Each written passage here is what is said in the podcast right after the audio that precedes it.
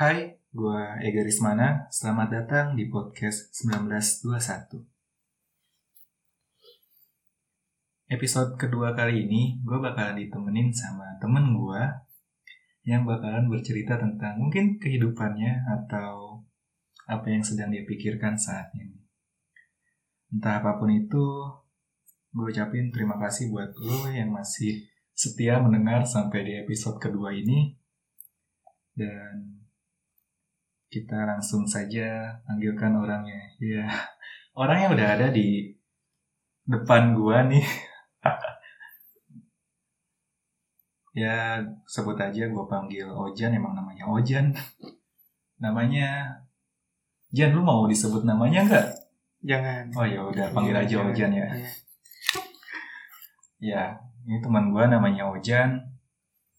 Dan kita bakalan mengisi di podcast episode kedua ini.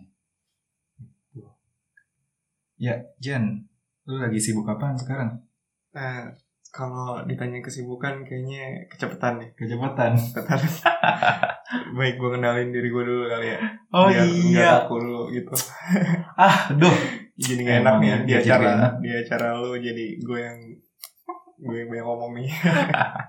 Gak apa-apa, men. Kan gue udah jelasin podcast gue tuh di episode 1 tuh seperti apa gitu. Oke oke. Eh, Oke, silakan Jan. Nama Mulai gue, nama gue eh, sebut aja gue Ojan tapi gue seneng lebih seneng dipanggil RY. Kesibukan eh, apa ya? Nggak sibuk apa apa sih. Nganggur tapi ada kesibukan sedikit gitu doang sih. Nah, apalagi nih kira-kira? itu itu area itu apa, men? Jadi awal mula RY itu berawal dari soal ketik, akhirnya keterusan. Jadi sampai sekarang gitu. Iya deh. Aduh, gue mah punya temen banyak namanya. Jadi di episode kali ini lu bakal ngebahas apa nih? Episode kali ini bakalan kita bakalan sedikit bahas lingkungan ya kita ya. Lingkungan yang membuat bisa membuat pola pikir kita kali ya. Apa sih gitu ya tujuannya? Iya, iya, iya, oke. Ya pokoknya kenapa lu bisa punya pikiran seperti itu saat ini mungkin punya pikiran yang berbeda dari orang lain ya salah satunya Salah satunya ya. lingkungan yang membuat lu mempunyai pola pikir tersebut gitu. Eh, sebenarnya banyak banget faktor yang bisa merubah pola pikir seseorang ya. Bukan merubah sih kayak cara berkembang pola pikirnya suatu individu gitu. Menurut gue Bang. yang pertama itu eh, dari keluarga terutama. Yang kedua ini lingkungan. Nah menurut gue nih yang paling berpengaruh itu ya lingkungan. Entah itu lingkungan tongkrongan, entah itu lingkungan belajar, sekolah dalam hal ini ya. Baik informal maupun non formal. Nah, berhubung gue orangnya lebih suka di luar, lebih seneng di luar dibanding di, di rumah. Jadi, pola pikir-pola pikir yang terbentuk di dalam diri gue ini hasil dari eh, akumulasi tragedi-tragedi atau saat-saat gue nongkrong di lingkungan-lingkungan tertentu gitu. Contoh kecil sih belakangan ini, baru belakangan ini. Dan emang pola pikir tuh kadang cepat banget berubah ya. Eh, di awal tuh baru-baru ini beberapa waktu lalu gue sempet eh, ngelayat ke kebetulan gue udah ngajar nih nah salah satu murid gue orang tuanya dia meninggal. Dia anak pertama. Dan umurnya kurang lebih baru kelas 6 SD itu kira-kira 12 tahunan. Iya, nah, 12 tahun. 12 tahunan. Laki-laki. Dan dia udah ditinggal bapaknya gitu. Gue di situ mikir gue harus bersyukur nih ternyata uh, di luar sana banyak banget yang orang-orang yang udah nggak bersama keluarganya gitu dengan orang tua yang tidak lengkap nah pada sorenya gue pulang dari dari tongkrongan itu bukan tongkrongan ya dari tempat itu dari uh, rumah duka lah ya. Rumah duka. dari dari rumah duka itu di jalan tuh gue sempet mikir kayak gitu kenapa sih gue selalu mikir kalau hidup tuh neraka hidup tuh kumpulan penderitaan. Padahal kan kalau dipikir-pikir dibandingin dia gitu anak kecil itu hidup gue tuh alhamdulillah emang enak gitu. Keluarga gue masih lengkap terutama itu kebutuhan gue alhamdulillah terpenuhi entah itu dari orang tua gue dan dari diri gue sendiri terpenuhi dan lain-lain lah gitu. Di jalan pas gue pulang naik motor gue mikir ya gue harus bersyukur gitu. Hidup ini tuh bukan dulu tentang penderitaan tentang dulu perasaan pesimis negatif segala macem. Nah pas gue sorenya gue nongkrong ke rumah temen gue Hmm. di situ temen gue udah mulai ngeluh nih. Kebetulan temen gue tuh nganggur kan Dibilang gini kok hidup kok gini-gini aja? Kayak gak ada perubahan kan gitu. Nah karena gue orangnya dibilang terlalu sering ke bawah arus ya bisa gitu juga. Nah dari situ juga pola pikir gue berubah. Gue jadi ikut ngeluh juga sama-sama gitu. Kayak iya sih ya kenapa sih kok orang lain bisa ya jadi pada punya mobil gitu. Di umur di umur umur yang sekarang tuh di 20 udah pada punya mobil udah pada bisa keluar negeri. Sedangkan kok gue gini-gini aja circle pertemanan makin sempit gitu kan. Terus eh, kebutuhan makin banyak tapi duit nggak ada gitu. dari situ kok gue mikir ya pas gue balik dari situ selesai dari tongkrongan itu dengan keluh kesahnya dan keluh kesah gue gitu. Gue pulang gue mikir kok cepet banget berubah ya? Gitu pola pikir kita terhadap sesuatu gitu. Sudut pandang kita terhadap sesuatu hal itu cepat banget berubah gitu. dari lingkungan terutama. Nah itu. Mungkin teman-teman yang lain ada yang pernah ngalamin hal-hal kayak gitu mungkin kalau dari uh, Ega sendiri gimana nih tanggapan kira-kira? Tentang apa yang gue alamin barusan. Beberapa ya barusan lah. Barusan. Sebenarnya kaget sih. Gue gak tahu kalau misalkan dia bakalan cerita yang belum gue tahu. ya, sebelumnya kan kita emang udah sering ngumpul bareng lah ya. Iya, iya, ngumpul iya. bareng segala macam udah cerita. Emang ini cerita baru sih. Gue juga baru dengar dia cerita tentang ini. Terlebih apalagi lu punya banyak tongkrongan juga. Tapi gue setuju sih. Mungkin ya setuju saat ini. Nggak tahu nantinya.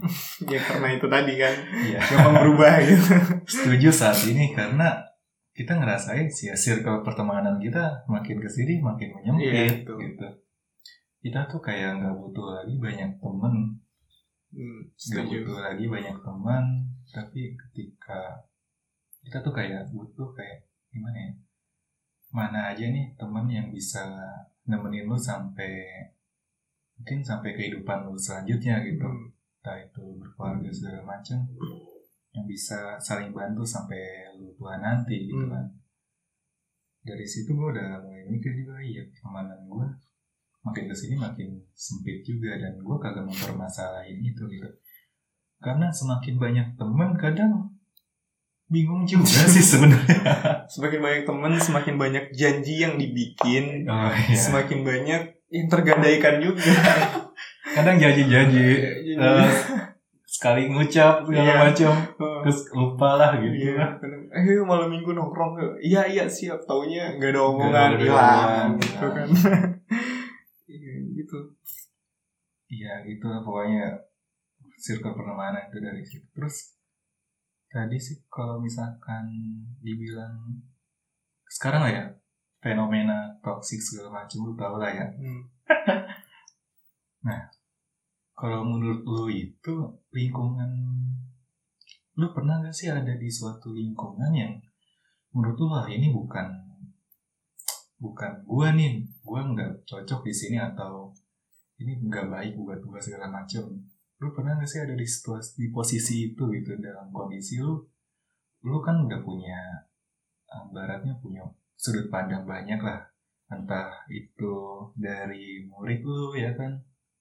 Dari sudut pandang murid-murid lu ketika lu ngajar dapat sudut pandang lain segala macam. Dan ketika lu masuk ke tongkrongan itu kan sudut pandang antara anak kecil dan orang seumuran kita kan Hmm. berbeda gitu.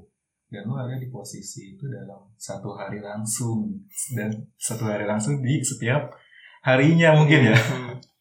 Iya menurut lu ada nggak sih lu di posisi yang ah ini lingkungan bukan gua banget kan Hmm. gak bisa lanjutin di lingkungan ini gitu Nah jadi gue ngalamin itu pas gue SMK tuh.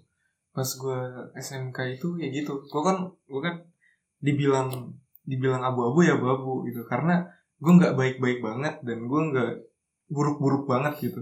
Ketika ada orang gue nongkrong di tempat yang buruk ya gue ikut buruk. Ketika gue nongkrong di tempat yang baik ya gue ikut baik. Ibaratnya gini uh, teman-teman gue pada ngaji oke okay, gue ikut ngaji.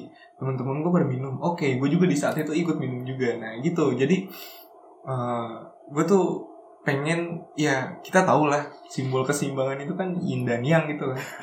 Ya kan Iya, gue pernah dapat postingan kayak gitu kan, pas ya. lagi ramenya pelegal miras itu. Waduh, ya baru-baru dong itu. Ya, ya. pas pelegal miras itu ternyata ada ada salah satu orang yang bilang kalau bukankah hindang yang itu bakal selalu ada gitu. Nah kayak gitu, bahkan di Arab Saudi sendiri kan kita nggak tahu maksud di sana kayak gimana kita nggak tahu kan, karena itu urusan internal dia kita nggak tahu kan. Dan gue mikir oh iya juga gitu yin dan yang itu harus ada supaya tercipta keseimbangan. Nggak mungkin orang di dunia ini tuh baik semua nggak ada kan? Atau jahat semua nggak ada. Yin dan yang itu selalu ada hitam putih. Yin dan yang baik nah gue itu berusaha menciptakan pola kayak gitu gitu.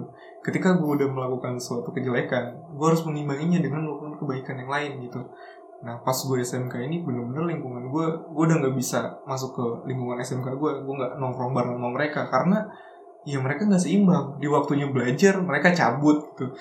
Cabutnya buat apa? Buatnya kayak gitu. Nongkrong ngerokok mabuk segala macem. Sedangkan kan harusnya kan balance gitu. Ketika belajar ya udah belajar. Ketika pulang ya lu mau mabuk mau ngerokok ya terserah gitu. Itu kan bukan udah harusnya udah punya pandangan situ. Dan menurut gue itu sih. Jadi um, gue pernah ada di posisi kayak gitu juga. Ini nggak baik nih buat gue nih karena emang gak seimbang gitu pola polanya gitu. Nggak ada hitam putih hitam hitam banget putih putih banget kayak gitu. Gue nggak bisa. Dan kalau disuruh ngaji ngaji terus juga gue juga dibilang nggak bisa ya mungkin belum bisa kalau sekarang gitu. Gue juga butuh butuh apa ya namanya rekreasi lah rekreasi dengan tanda kutip gitu. Kayak gitu sih.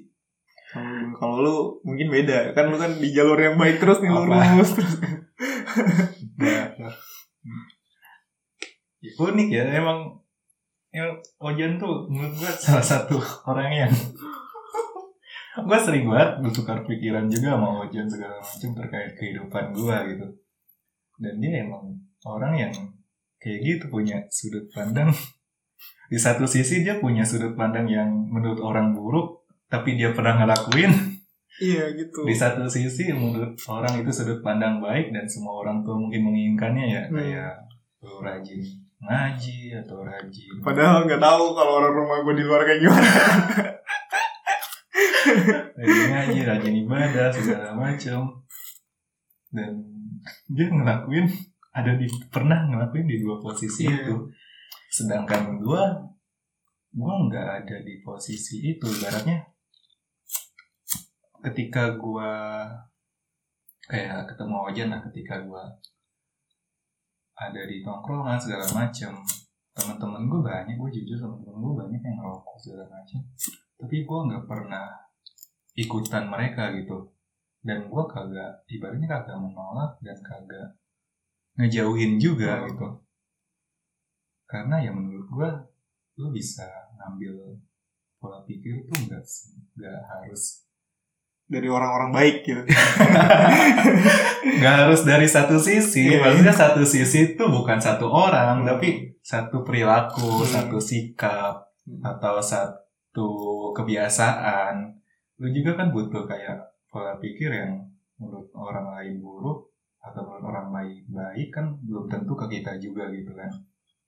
Dan gue nggak punya pengalaman yang diceritain Ojan itu segala macam dari teman-teman yang gue nggak punya pengalaman tapi gue tahu karena gue punya teman-teman yang notabene yang gue kenal yang pernah kayak gitu dan ibarat gue sih ketika lo ada di lingkungan tersebut dan lo punya prinsip mungkin ya hmm. dan lo punya prinsip sendiri dan lo bisa bertahanin prinsip lo nggak bakal langsung goyah hmm. ikut sana ikut sini ya tadi yang udah diomongin Ojan juga dia udah bilang ya yang in dan ya gitu ya.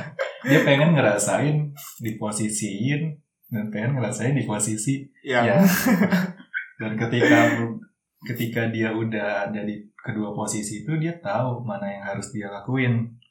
Dia tahu mana yang baik menurut dia gitu. Dan gue nggak kadang gue nggak ada di posisi kedua itu gitu. Karena gue bisa menahan gue masih bisa menahan ya perilaku yang tersebut gitu lah ya.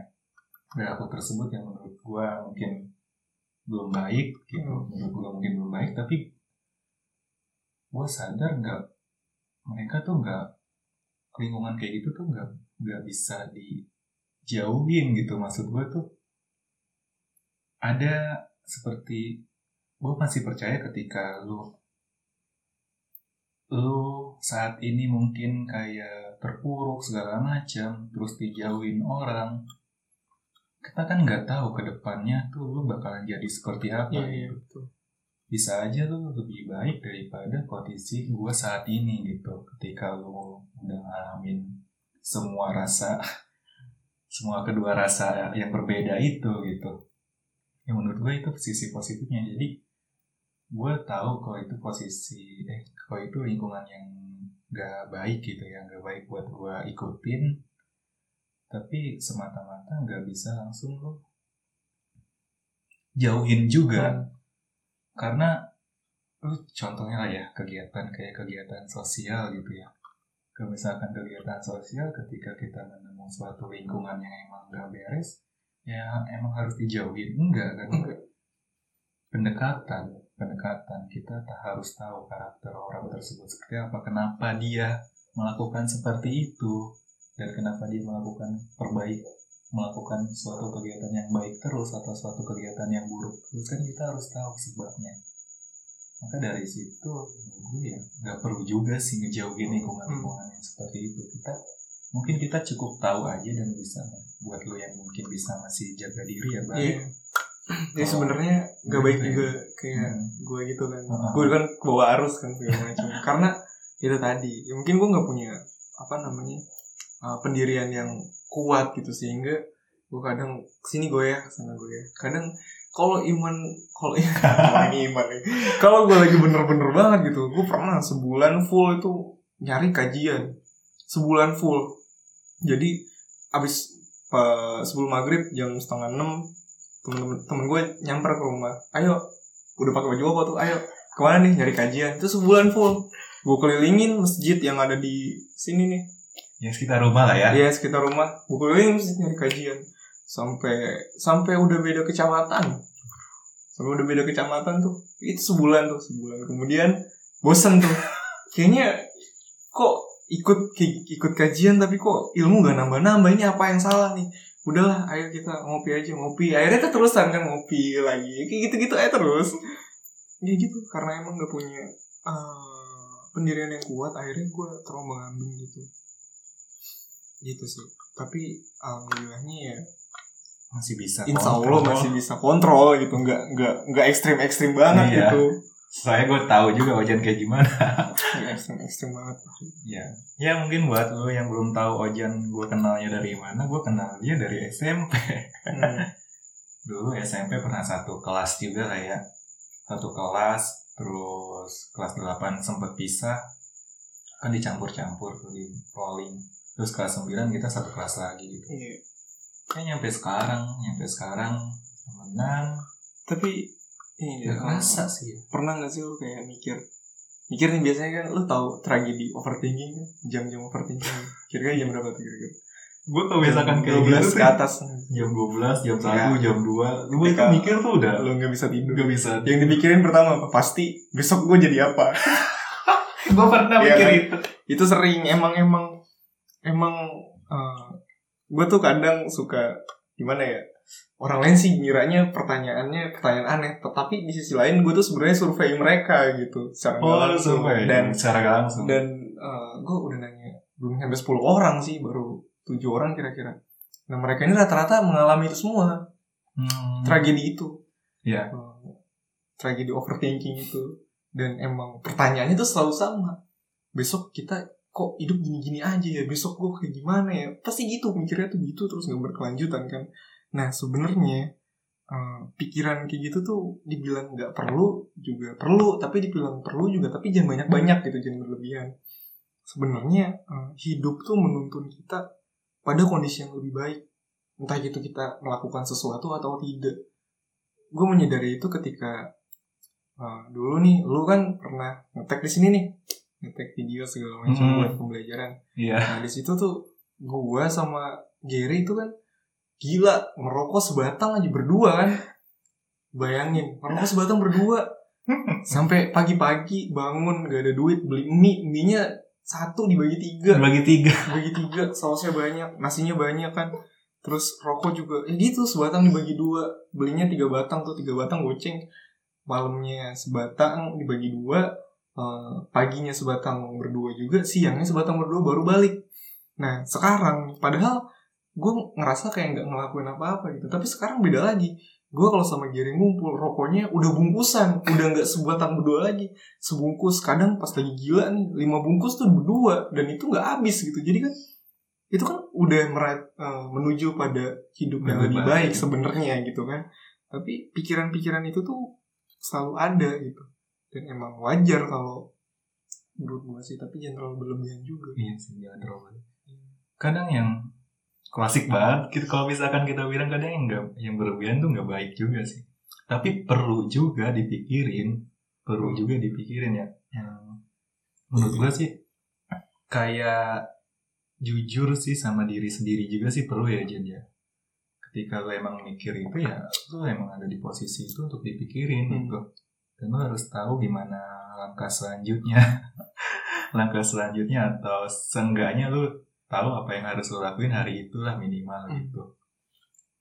Dan tanpa sadar juga benar sih kata Ojan tahun lalu tuh kita tuh udah nggak ada nggak ada penghasilan sama sekali iya kacau dah kacau tahun lalu tuh nggak ada penghasilan sama sekali maksudnya penghasilan tuh kayak sekarang Hmm. alhamdulillah Ojan udah punya penghasilan sendiri lu juga Gary. dengan proyek lo gitu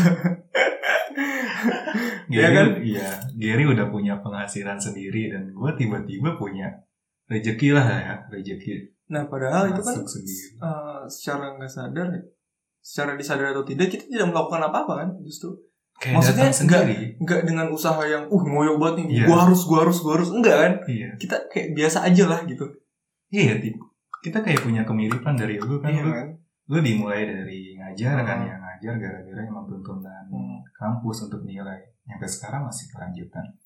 Gary pun itu kan eh, ibaratnya kayak ketemu temen, Temen. kan kayak ketemu teman terus ada yang ngajakin dia kerja akhirnya kerja sekarang akhirnya kan kerja dan pertemuan itu pun nggak disengaja gitu ibaratnya ya pas nikahan ya nikahan Hmm. teman otomatis teman-teman eh, dulu pada kumpul dan pada sharing segala Hmm. macam akhirnya Gary bisa dapat kerjaan sampai sekarang gitu. Dan gue juga nggak nyangka bisa dapat ya bisa dapat rezeki tambahan gitu dari apa yang gue lakuin. Padahal gue berusaha untuk nyari jujur juga gue berusaha untuk nyari tapi nggak nggak dapat dapat malah datang sendiri. Padahal kita nggak melakukan apa-apa kan. Dari hasil pencarian itu nggak dapet tapi ketika kita nggak melakukan apa-apa ada aja gitu. Ada aja. Nah.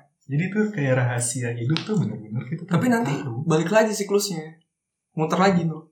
Setelah kita udah mendapatkan itu kita bakal mikir lagi. Apalagi abis ini gitu ya? Overthinking lagi overthinking lagi. Terus terusan emang emang ya kata siapa ya? Lupa tuh kalau kalau kita eh, kalau kita mencoba mencari makna kehidupan kita tidak akan benar-benar hidup kan kata itu kata siapa sih? Albert Camus kalau nggak salah Albert Camus. Kalau nggak salah. Ya ya kalau nggak salah ya kita tidak akan uh, mendapatkan kebahagiaan jika kita menggali tentang makna kehidupan. Dan tadi gue sadar itu pas gue balik dari tongkrongan yang dengan keluh kesah itu Iya. gue sadar emang iya sih makna kehidupan ini tuh gak akan kita dapat kalau kita nggak menjalani kehidupan itu gitu. Sebenarnya maknanya itu nggak bersifat konkret gitu. Justru makna kehidupan ini sifatnya abstrak gak bisa dijabarkan karena untuk mendapatkan makna kehidupan ini kita harus menjalaninya gitu kan makanya gak bersifat konkret gitu. Kita nggak akan tahu sampai mana hidup tuh untuk apa tujuan hidup kita itu kita hidup tuh untuk apa ya. Kita nggak akan pernah tahu gitu karena sifatnya abstrak. Kita yang menjalaninya dengan perubahan-perubahan yang terjadi gitu. Kalau kalau gue sih ya hampir mirip sih gue gue nganggap ya kehidupan tuh banyak rahasianya.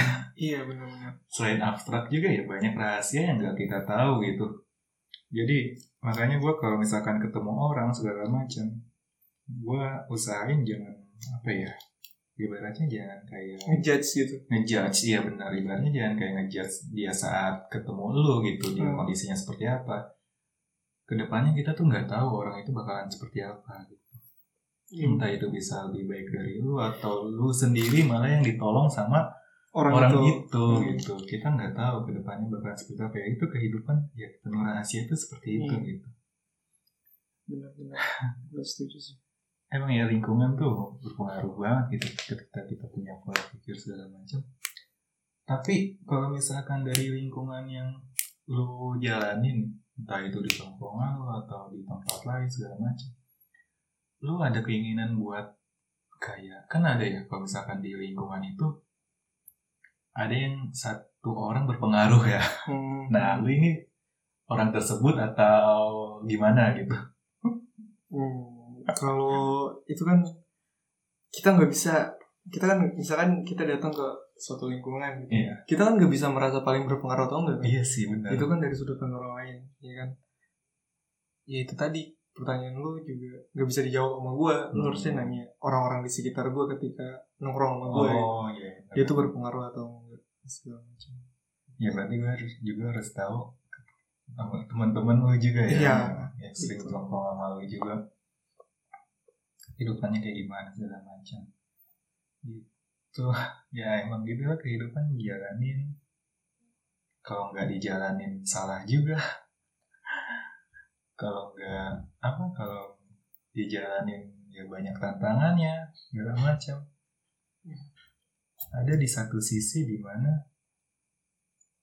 kita kadang ngelihat hidup orang lain tuh enak. enak.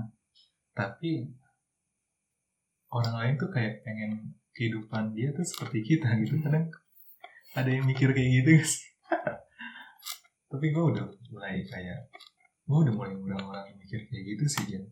Karena kehidupan kita tuh ya kita sendiri yang tahu gitu ya.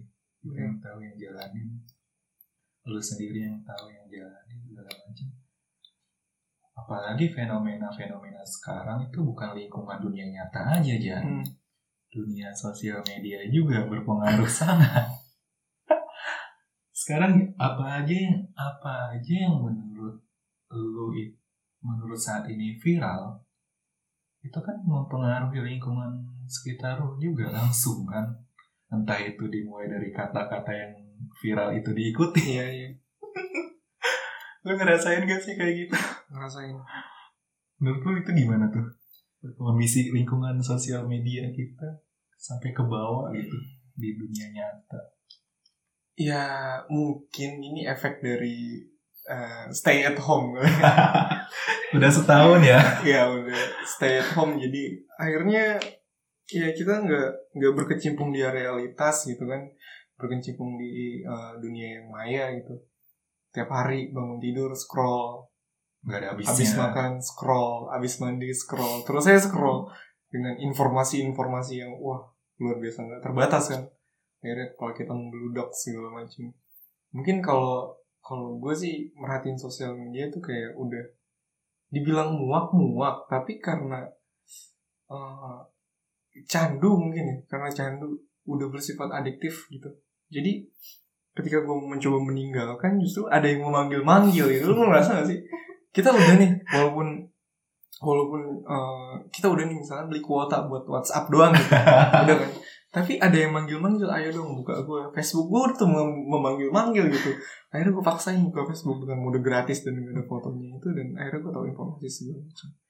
Ya itu karena emang iya gue pernah nonton apa video video vokalis ya dia diwawancarain tuh tentang lagunya itu emang kita itu udah eh, kecanduan sama sosial media gitu bukan sama sosial media tapi sama atensi dari orang-orang gitu Oh. Contoh kecilnya gini, misalkan lu ngepost foto nih, pasti lu tuh merhatiin jumlah likesnya berapa. Ini yang komen siapa aja gitu. Dan Secara- ini di-share berapa kali. Secara gak langsung. Secara ya. nggak, bukan secara nggak langsung, tapi emang Kenyataan. iya kenyataannya Nah. kayak gitu. Setiap kita habis ngupload foto, kita ngelihat pasti like-nya berapa, siapa aja nih yang nge-like gitu kan. Terus kalau ngeliat Instagram, followers gue nggak naik-naik gitu kan. Terus itu kan namanya kita memerlukan atensi gitu. Padahal Padahal itu kan kalau kita sadari itu tuh dunia yang maya gitu kan harusnya harusnya Harusnya. harusnya kita menyadari kalau itu tuh dunia yang maya dunia yang maya itu kan sebenarnya semu ya nggak ada Iya. gitu akhirnya bukan artinya bukan yang sebenarnya gitu bukan dunia yang sebenarnya tapi di sini tuh sekarang udah kebalik gitu ya kan? Hmm. dunia maya itu udah jadi dunia nyata dan dunia nyatanya itu udah jadi dunia maya gitu. Kayak udah cermin terbalik aja kita udah di, hidup di dalam cermin mungkin. Ya, kayak gitu tadi. Mungkin gue nggak tahu sih kalau Hmm. kalau eh, misalkan nih eh, ada aksi sosial tiba-tiba di upload sama komunitas itu sendiri kemudian mereka eh, coba cari atensi lewat like segala macam. Ya gue nggak menyalahkan sih gue nggak menyalahkan. Tapi kan tapi kan itu kan berarti ada tujuan terselubung gitu. Hmm. bukan kegiatan sosial mungkin kegiatan eksistensi gitu. Gue gue nggak tahu ya lu Mungkin- kan mungkin bukan- masyarakat gitu. Enggak juga sih, kan mungkin lu bu- kan suka bukan- abdi masyarakat segala macam. Maksudnya gimana tuh mungkin bukan kegiatan sosial aja sih Jan ya. Mungkin kayak kegiatan sehari sehari-hari Iya. lebih tepatnya ya. Itu kegiatan sehari-hari nggak ada sangkut pautnya sama masyarakat pun kita butuh ya kayak butuh perhatian kayak butuh perhatian aneh ya. Kenapa ya? Ya, Enggak sih, tapi kalau misalkan gue lihat ya, gue lihat dari perkembangan sekarang, gue bukan menyalahkan atau memihak salah satu yang terjadi gitu, tapi gue ngeliat dari sudut pandang lu ketika suatu kegiatan, gue nggak berbicara ini kegiatan sosial, ya. mungkin ini riskan takutnya.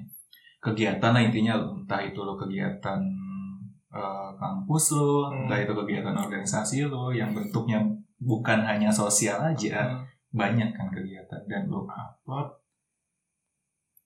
menurut gue sih itu kayak tujuannya menginspirasi mungkin ya menginspirasi mungkin ya Mungkin. menginspirasi balik lagi ke tujuan organisasi itu sendiri Iya, sih iya. ya ada organisasi gue pernah nemuin juga ada organisasi yang nggak perlu Publikasi gitu. publikasi seperti itu atau ibaratnya kayak guru-guru di pelosok, pelosok lah ya Ah, ah, ah. guru-guru di pelosok segala macam dia tanpa publikasi dan segala macam tuh yang mereka tetap mengabdi dengan ikhlas Hmm. gitu mungkin lebih sosial media kekuatan sosial media itu diperuntukkan untuk saling membantu kali ya contohnya ya kalau misalkan kita, lu punya kesulitan nih Hmm. ketika lu nggak berbagi lu kesulitan lu sendiri tuh kayak lu selesain sendiri ya gak sih Iya. jadi nggak kalau misalkan lu bagi-bagi kan otomatis oh mungkin ada orang lain yang bisa bantu lu gitu ya Hmm.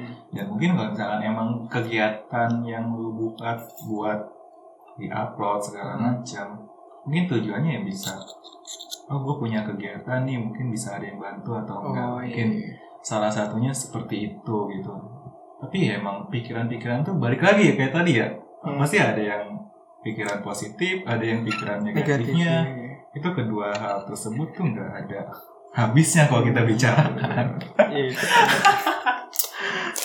Iya, itu. balik lagi sih jadi kayak gitulah pokoknya kalau emang tujuannya gue masih percaya kalau emang tujuannya baik ketika dia mau diupload pun enggak enggak juga ya nggak apa-apa asalkan nggak menyalahi nggak merugikan orang lain mungkin Iya, nggak merugikan, nggak merugikan orang lain gitu. Iya. Ini kayak kalimat aman ya. kan lu ketawa. iya sih intinya gitu lah ya. benar Tapi nggak merugikan orang lain yang seenggaknya nggak merusak pikiran Esensi. orang lain, esensi kegiatan tersebut gitu. merusak esensi Tuh. Iya, lingkungan tersebut. Ya seperti itulah kegiatan sosial media kita. Iya, Kadang- mungkin mungkin mungkin gue juga yang terlalu berpikiran negatif terhadap banyak hal gitu. banyak hal gue selalu pikirin negatifnya segala macam. Ya mungkin itu kali. Sisi positifnya itu mungkin bisa menginspirasi orang Bisa lain. menginspirasi, bisa saling bantu, Iya. atau bisa saling tahu kegiatan satu Hmm. sama lain. Itu sisi positifnya. Sisi positif. Sisi negatifnya itu tadi mungkin ada maksud terselubung di balik uh, kegiatan sosial yang dilaksanakan ini. gue iya gue gak bisa bilang enggak Dan gak bisa bilang iya. dan gak bisa bilang ya karena ya pasti ada aja Pasti ada aja ya.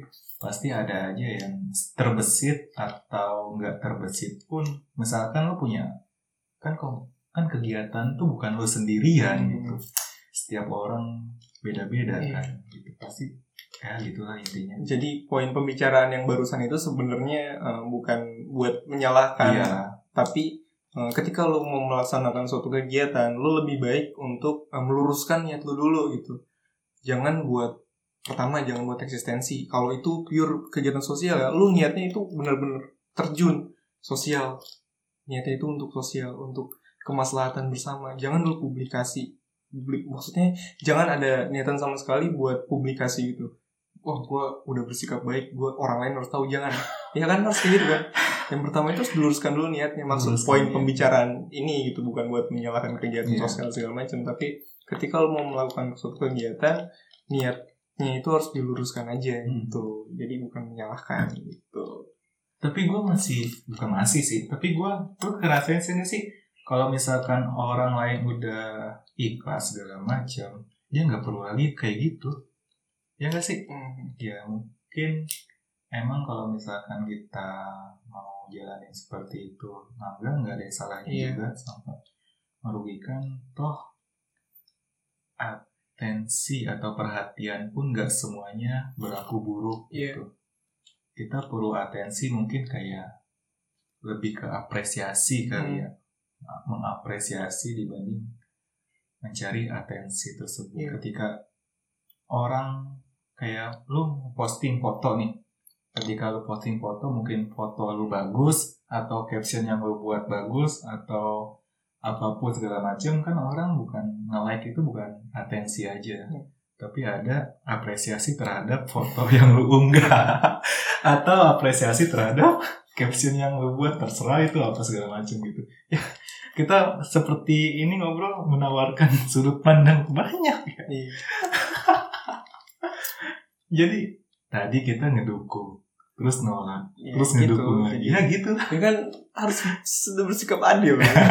harus bersikap adil se- sudah sejak dalam pikiran kan kata Ini Trump kali- juga gitu iya. kan gitu tadi penting bersikap Hmm. adil tuh jadi memandang sesuatu yang baik jangan cuma dari sisi baiknya memandang sesuatu yang buruk jangan cuma dari sisi buruknya aja Iya, jadi obrolan tadi tuh kita tuh kayak menampilkan sudut pandang banyak ya orang.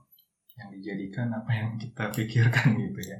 Ngomongin soal sosial media dan itu kan berkaitan sama internet ya. Iya, dan bagian dari internet ini kan banyak apa namanya eh, pengaplikasian pengaplikasian dari internet ini kan. Hmm. salah satu contohnya itu Google Google Maps. Lo kan lo Google Maps Iya. Google Earth. Nah gue sempat kepikiran kalau seandainya terjadi perang gitu ya perang. Lu tahu ini aneh dunia- banget pikirnya. dunia apa sih? Google Maps itu kan isi Google Maps itu kan isinya kan kayak di situ udah ketahuan letak persenjataan di mana letak pembangkit di mana ya kan? Bahkan dari Google Earth kita bisa ngeliat di situ tanpa harus keluar rumah ya kan? Nah lu ngebayangin gak sih kalau misalkan terjadi gitu perang? Dan kita perang sama uh, negara tertentu gitu kan? Iya. Nah, mereka nih nggak perlu nurunin militernya langsung ke uh, nuruninnya itu nurunin nurunin militernya itu random gitu. Enggak. Mereka tinggal buka Google Maps, ini pembangkitnya di mana nih? Kita turunin di situ aja, pembangkitnya habis. Ini pusat militernya di mana nih? Militernya habis ya gitu. Jadi dibilang banyak dampak positif banyak, dibilang dampak negatif banyak juga gitu. ini awesome banget orang mikir Google Maps tuh buat nyari jalan nyari lokasi rumah gue mikir oh jadi ini bakalan bilang ke sana ternyata. Makanya itu mengerikan gitu emang. Ya lu bayangin aja kan kayak gitu kan? Makanya. Enggak gue kagak pernah terbayang kayak gitu ya. Coba coba apa lu bayangin gitu. Google Maps itu kan semuanya kelihatan. Dan kalau jadi perang gitu antar dua negara udah udah bisa bisa sumber daya letak sumber daya alamnya di mana letak pembangkitnya di mana? Letak pos militernya di mana ya kan? Kelemahannya di mana dia bakal sembunyi di mana. Wah udah udah gila. Dunia tuh sebenarnya udah udah udah gila kalau kalau menurut gue gitu ya. Tapi ketika kita mengkhianati dunia juga nggak bisa karena kita masih hidup di dunia gitu. Untuk menghidup di alam lain. iya. Tapi gue nggak pernah kebayang ketika dia bilang Google Maps segala macam bakalan ke arah sana sih. Tapi ya pemikiran orang kan apa yang dipikiran pasti beda-beda gitu terus Oh iya. kalau misalkan apa Oh iya jangan lupa itu apa namanya Eh, buat teman-teman yang nggak tahu channel YouTube kok bisa itu bagus edukasi bagus banget asli gak bohong jangan nontonin yang aneh-aneh terus gitu Kok bisa tuh yang mana? bagus deh pokoknya lo harus nonton Kita ngepromosi bisa. ini. Hah? Kita ngepromosi ini. soalnya itu isinya edukasi semua dan bagus-bagus Oke. Hmm. gue nggak tahu kalau emang itu mungkin buat lu buat lu itu bagus ya lu ambil gitu ya. Ntar kalau misalnya lu cari kalau misalkan emang nggak cocok ya lu tinggalin. Balik lagi ke lingkungan tadi ya. Kita bisa milih mana akun yang harus kita ikutin mana akun yang harus kita ibaratnya kita tinggalin atau kita nggak harus ikutin itu cukup tahu aja. Itu balik lagi ke diri masing-masing. Sebenarnya kayak sosial media tuh nggak jauh ya nggak bisa nggak bisa jauh sekarang apa-apa sosial media apa sosial media. Tapi kalau misalkan kita ninggalin sosial media pun bisa nggak memicu bisa. Kalau bener-bener kita hidup di lingkungan yang pure nggak ada sosial medianya gitu. Misalkan kita eh, mau meninggalkan sosial media nih tapi kita masih hidup di masyarakat sekarang masyarakat modern. Nggak bisa kita harus menjauh dulu dari modernisasi. Terus mengasing ke hutan tinggal sendiri di sana mungkin bisa. Tapi kalau untuk sekarang hidup di masyarakat kayak gini susah. Mungkin di dominannya nggak bisa. Karena itu tadi sulit. Susah ya? Mm-mm. karena sekarang kan apa-apa apa ya lingkungan kita tuh kayak bukan hanya di dunia nyata malah udah terbentuk di dunia maya juga ya kan Hmm. lu nggak perlu nanya kabar dia lagi di mana dia sedang ngapain segala macam kita cukup ikutin dia di sosial media dia udah nyebarin semua aktivitas dia gitu Iya. jadi interaksi di dunia nyatanya kayak Kurang. kurang Hmm. bisa dibilang kurang dan interaksi di dunia maya pun kayak aduh acuh tak acuh lu pernah lu pernah lihat postingan gak sih? Dan lu sempat mikir kayak dia posting gak posting pun gak berpengaruh ke gue pernah gak sih kayak gitu? Pernah kayak selewatan doang kan gitu selewatan doang. Kadang kadang gue juga mikir sih gue bikin bikin story gue juga bikin lah nggak mungkin bikin story segala macem itu kadang nggak nggak perlu orang siapa yang lihat segala macam sih Jan. Tapi kayak ibaratnya gue nggak gue udah kayak tadi yang lu bilang nggak perlu lagi atensi nggak perlu lagi apa ya nggak perlu lagi lu nyari atensi ke sana sini tapi atensi atau perhatian itu hadir gue lebih ngehargain ketika ada yang mengapresiasi Hmm. gitu. Kalau misalkan ada orang yang mengapresiasi ya berarti apa yang lu buat entah itu story kan gak mesti video segala macam bisa karya juga. Karya atau yang lu buat lah. Dan orang itu mengapresiasi karya lu ya itu lu bagus nggak bisa lu tolak gitu itu buat perkembangan ke depannya gitu. Iya. jadi kayak sedikit atensi atau perhatian sama apresiasi tuh kayak hampir mirip gak sih menurut lu?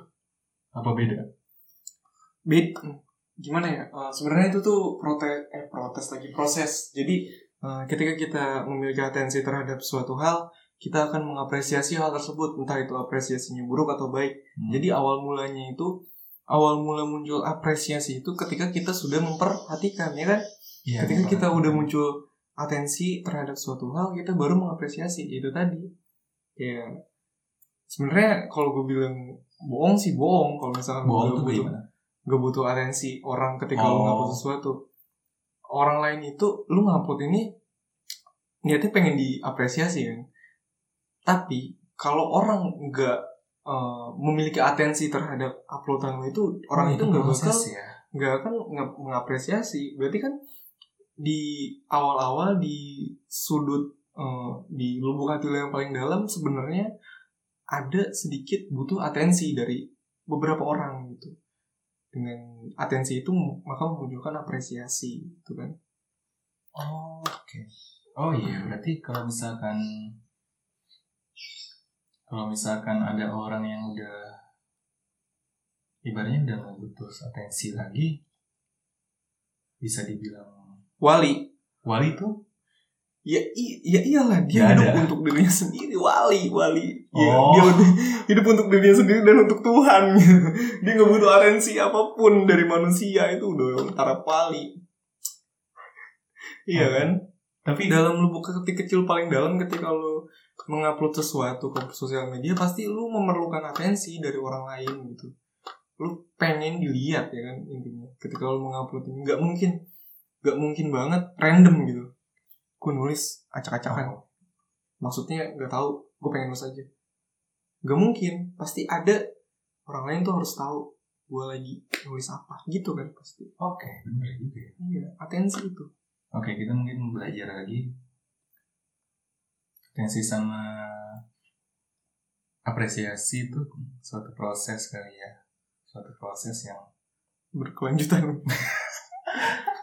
Satu ibaratnya lu kalau misalkan lu cuman ada orang yang udah mengapresiasi lu berarti udah memperhatikan lu gitu kan. Pasti pasti. Tapi orang yang belum memper- eh orang yang memperhatikan lu belum tentu mengapresiasi, mengapresiasi iya. lu. Hmm, gitu.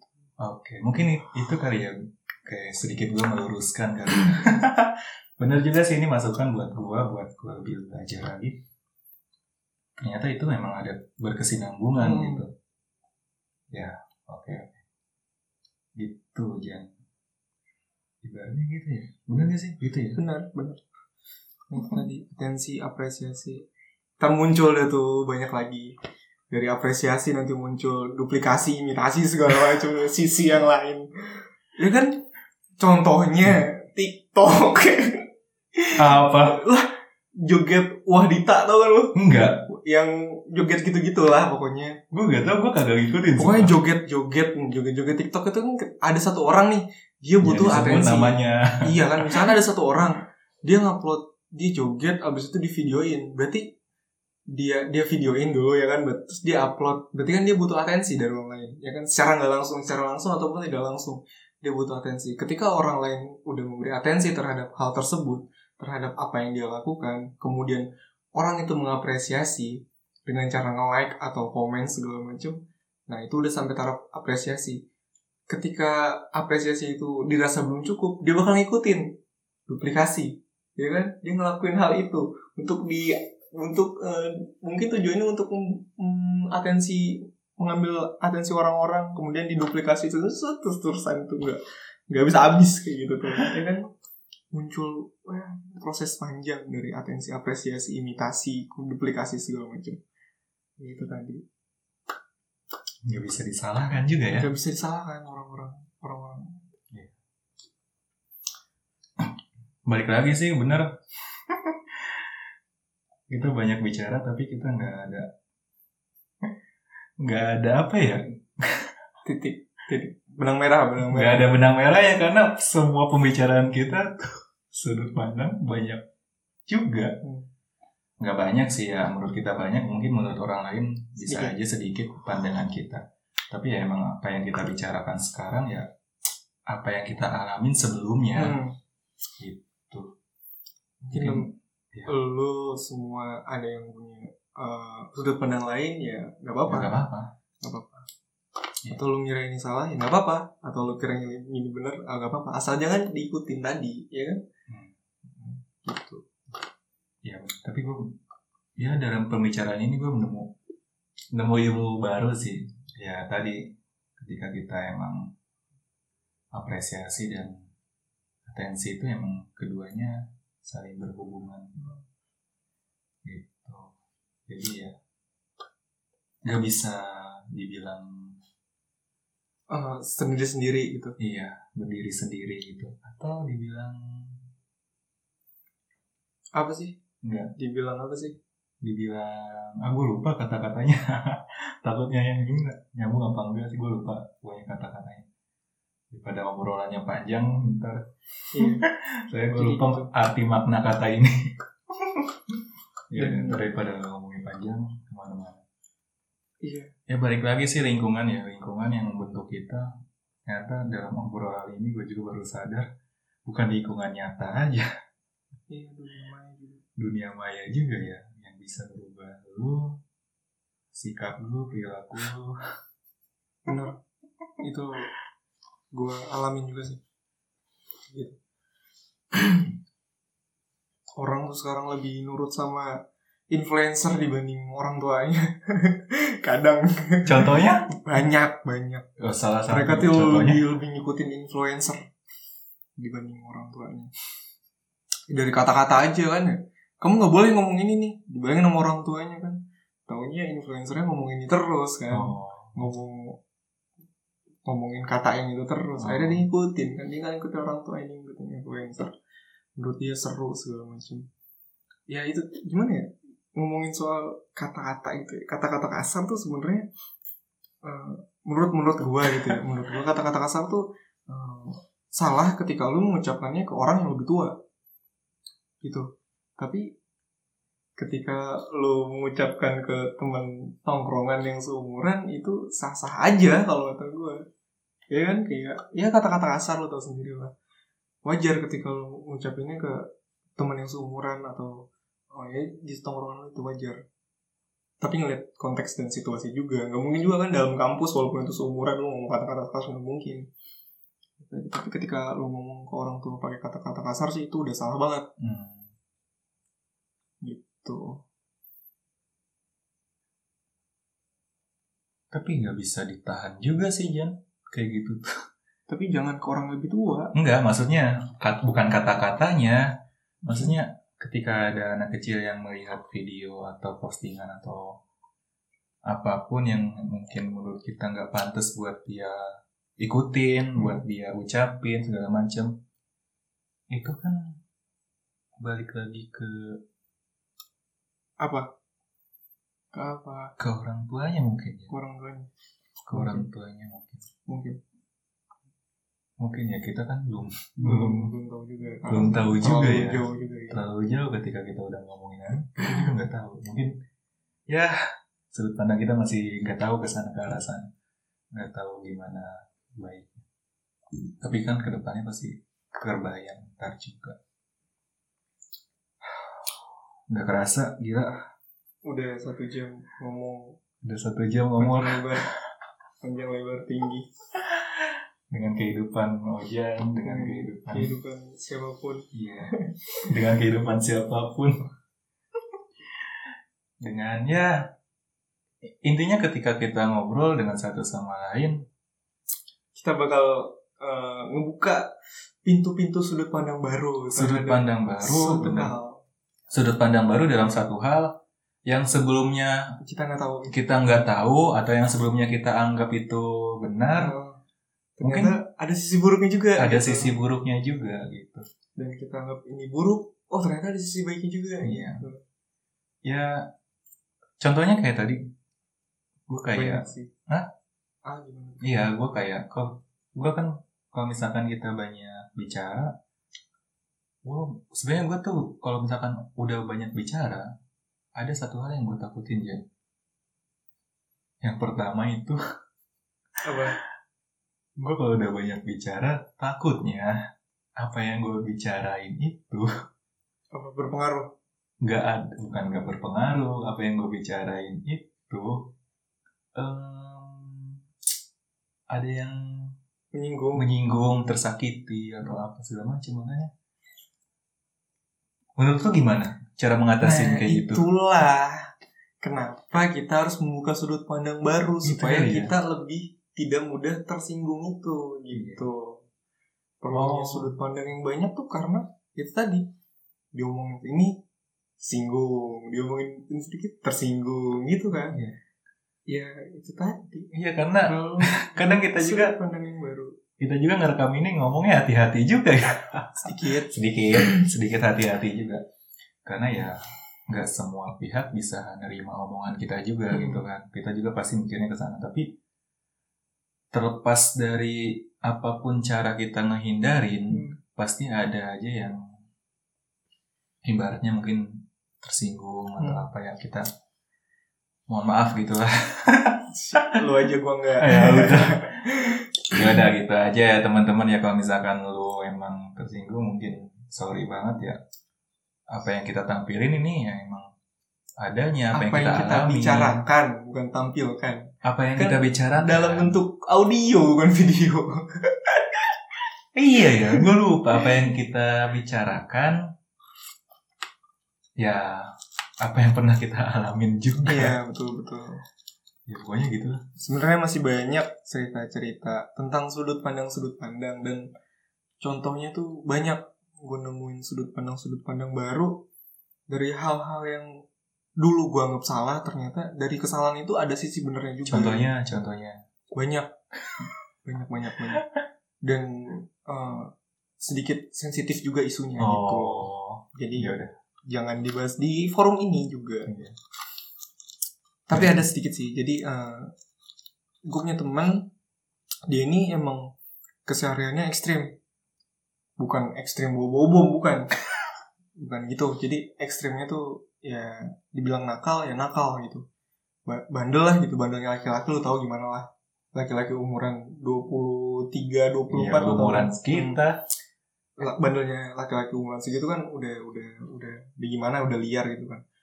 Nah ketika itu gue ngomongin perihal dejavu tau kan peristiwa dejavu itu? Nah, kita ngejalanin hari tapi kayak ngejalanin suatu kegiatan tapi kita udah pernah merasakan kegiatan itu. Di dalam mimpi. Iya kan? Gue pernah. Iya kayak gitu kan. Jadi mimpi yang jadi kenyataan. Bahkan itu eh, Pernah gue alamin. Jadi gue udah mimpi eh, Dua bulan yang lalu. Dua bulan yang lalu Bukan dua Maksudnya gini hmm, Gue ngalamin suatu kejadian Dan kejadian itu udah gue mimpiin Dua bulan yang lalu. Gitu Itu kan jauh banget rentangnya. Nah gue nanya dong ke teman gue yang Nakal ini Yang liar ini. Dulunya dia sempat jadi anak pang Tapi sekarang udah nggak jadi anak pang lagi Dia udah jadi buruh sekarang Udah udah gak ngepang lagi jadi buruh. Nah gue tanya ke dia nih perihal itu dejavu gue nanyanya konyol kayak gini. Loh lu pernah dejavu gak? pernah katanya. Nah itu kan membuktikan kalau kita itu sebenarnya gak usah ngelakuin apa-apa. Soalnya jalan kita itu udah ada. Kita itu gak usah berusaha. Kata gue gitu kan kata dia gini. Nggak gitu jadi hmm, Tuhan nih menciptakan takdir dan udah ada jalannya takdir udah ada takdirnya. Tapi jalannya itu yang bikin kita sendiri. Contohnya eh jodoh. Dia ngebahasnya tentang jodoh. Nah kata dia eh jodoh nih yang namanya jodoh itu kan udah ada ya kan? Yang udah ada itu kan pertama yang udah ditentuin itu kan umur jodoh sama rezeki kan? Nah jodoh ini kata dia udah ada tuh tapi jalan untuk menemukan jodohnya ini kita harus nyari kita yang menentukan sendiri yang uh, menjalani jalannya ini. Kalau kita walaupun jodohnya udah ada tapi kita nggak ngejar jalan itu nggak mencari jalan menuju jodoh itu ya nggak bakal ketemu sama jodoh itu. Gitu kata dia. Wah ya juga nih ternyata pemahamannya terhadap takdir lebih hebat dari gua gitu. Dari situ gue punya pandangan baru kalau ya itu tadi nggak boleh ngejudge orang sembarangan kita nggak tahu dalam dia gimana uh, pola pikir dia seperti apa gitu. Jadi ketika ngeliat orang yang pinter banget kita uh pinter banget nih. Pasti kata-katanya apa yang dia bilang berdasarkan ilmiah segala macam belum tentu juga. Siapa tahu dia pinter gara-gara menghafal bukan memahami. Ya ya ya. Sudut pandang sudut pandang banyak sebenarnya. Contoh itu contoh kecilnya sih. Gue gak nyangka aja dengan pola hidup dia yang liar dan nakal justru pemahaman dia terhadap takdir jauh lebih jauh lebih eh, masuk akal dan beriman juga gitu. Dia tetap mencari mempercayai takdir dan menjabarkan takdir itu dengan logika dia gitu. Keren sih kalau kata gue itu. Dan dari situ gue mikir kalau ternyata nggak selamanya orang yang liar nih eh, pemahamannya rendah cetek segala macam. Dari situ gue baru sadar kalau nggak boleh ngejudge orang sembarangan gitu itu sih salah satu contohnya. Mungkin lo pernah kali udah ngejudge nih orang "Wih, nggak bener nih. Ternyata uh keren juga nih. Bukan gua doang sebenarnya sih. Pasti setiap orang pernah mengalami hal tersebut Iya. gitu. Tapi dalam perkembangannya kan apa yang maksudnya hidup kita saat ini pasti kan kita udah mengalami kehidupan sebelumnya gitu. Dan ketika kita sudah merasakan bahwa itu tidak baik atau tidak perlu diteruskan lagi ya kita ubah. Iya benar. Ya kan kita ubah gitu. Gue bukan maksud gue kayak kayak hujan bilang gue baik terus atau segala macam atau gue bilang hujan baik terus segala macam enggak. Kita pernah buruk juga gitu. Kita pernah buruk juga tapi dalam keadaan buruk itu malah kita bisa sadar gitu. Kalau Hmm. itu ternyata nggak baik buat di terusin lagi kayak tadi sikap-sikap ngejudge segala Hmm. macam kan dan lu juga pasti pernah lah terbesit atau gue juga mungkin di kehidupan dulu pernah terbesit gitu kayak gitu. Tapi kan ke sini makin ke sini kita makin belajar bahwa ngejudge orang segala macam itu udah nggak bisa lagi. Karena apa? Karena lingkungan kita udah mulai luas pada saat itu gitu ya kan? Dan ya emang siklusnya gitu ya kan? Di umur umur 9 eh 17 sampai 20 tahun Hmm. mungkin ya. Itu circle pertemanan lagi luas luasnya tuh. Nah nah itu tolong dimanfaatin ya buat lo semuanya. Dimanfaatinnya ya itu tadi. Jangan jangan buat jangan cuma ngambil yang buruknya doang gitu. Dimanfaatin buat lu nyari sudut pandang baru lu nyari teman-teman yang kiranya bisa diajak sharing segala macamnya itu pentingnya gitu. Nanti dimulai umur 24 sampai seterusnya makin sempit tadinya temen lu 15 mungkin nanti jadi tiga. Mungkin nanti tinggal satu juga mungkin lu hidup sendiri atau berdua doang sama istri lu ya itu bertiga sama anak lu gitu. Unik. Ya mungkin hmm, cukup kali dari gue. Iya, ya gitulah. gitu. Eh, terima kasih buat teman-teman yang udah mau dengerin. Nyampe menit ke berapa ini? Kayaknya udah sejam lebih sih tadi. Iya. Gue udah ngeliat jam, udah sejam lebih. Mungkin nanti kita lihat menit aslinya berapa. Ya, itulah dari podcast episode kedua kali ini. Dan kita bisa ada episode-episode selanjutnya dengan orang-orang lain yang lain yang lebih menarik lagi atau orang-orang lain yang mempunyai cerita pengalamannya Hmm, tersendiri. Oke dari gue ya cukup sekian. Gue Ega Rismana dan gue RY alias Ojan pamit undur diri dan sampai jumpa di episode selanjutnya. selanjutnya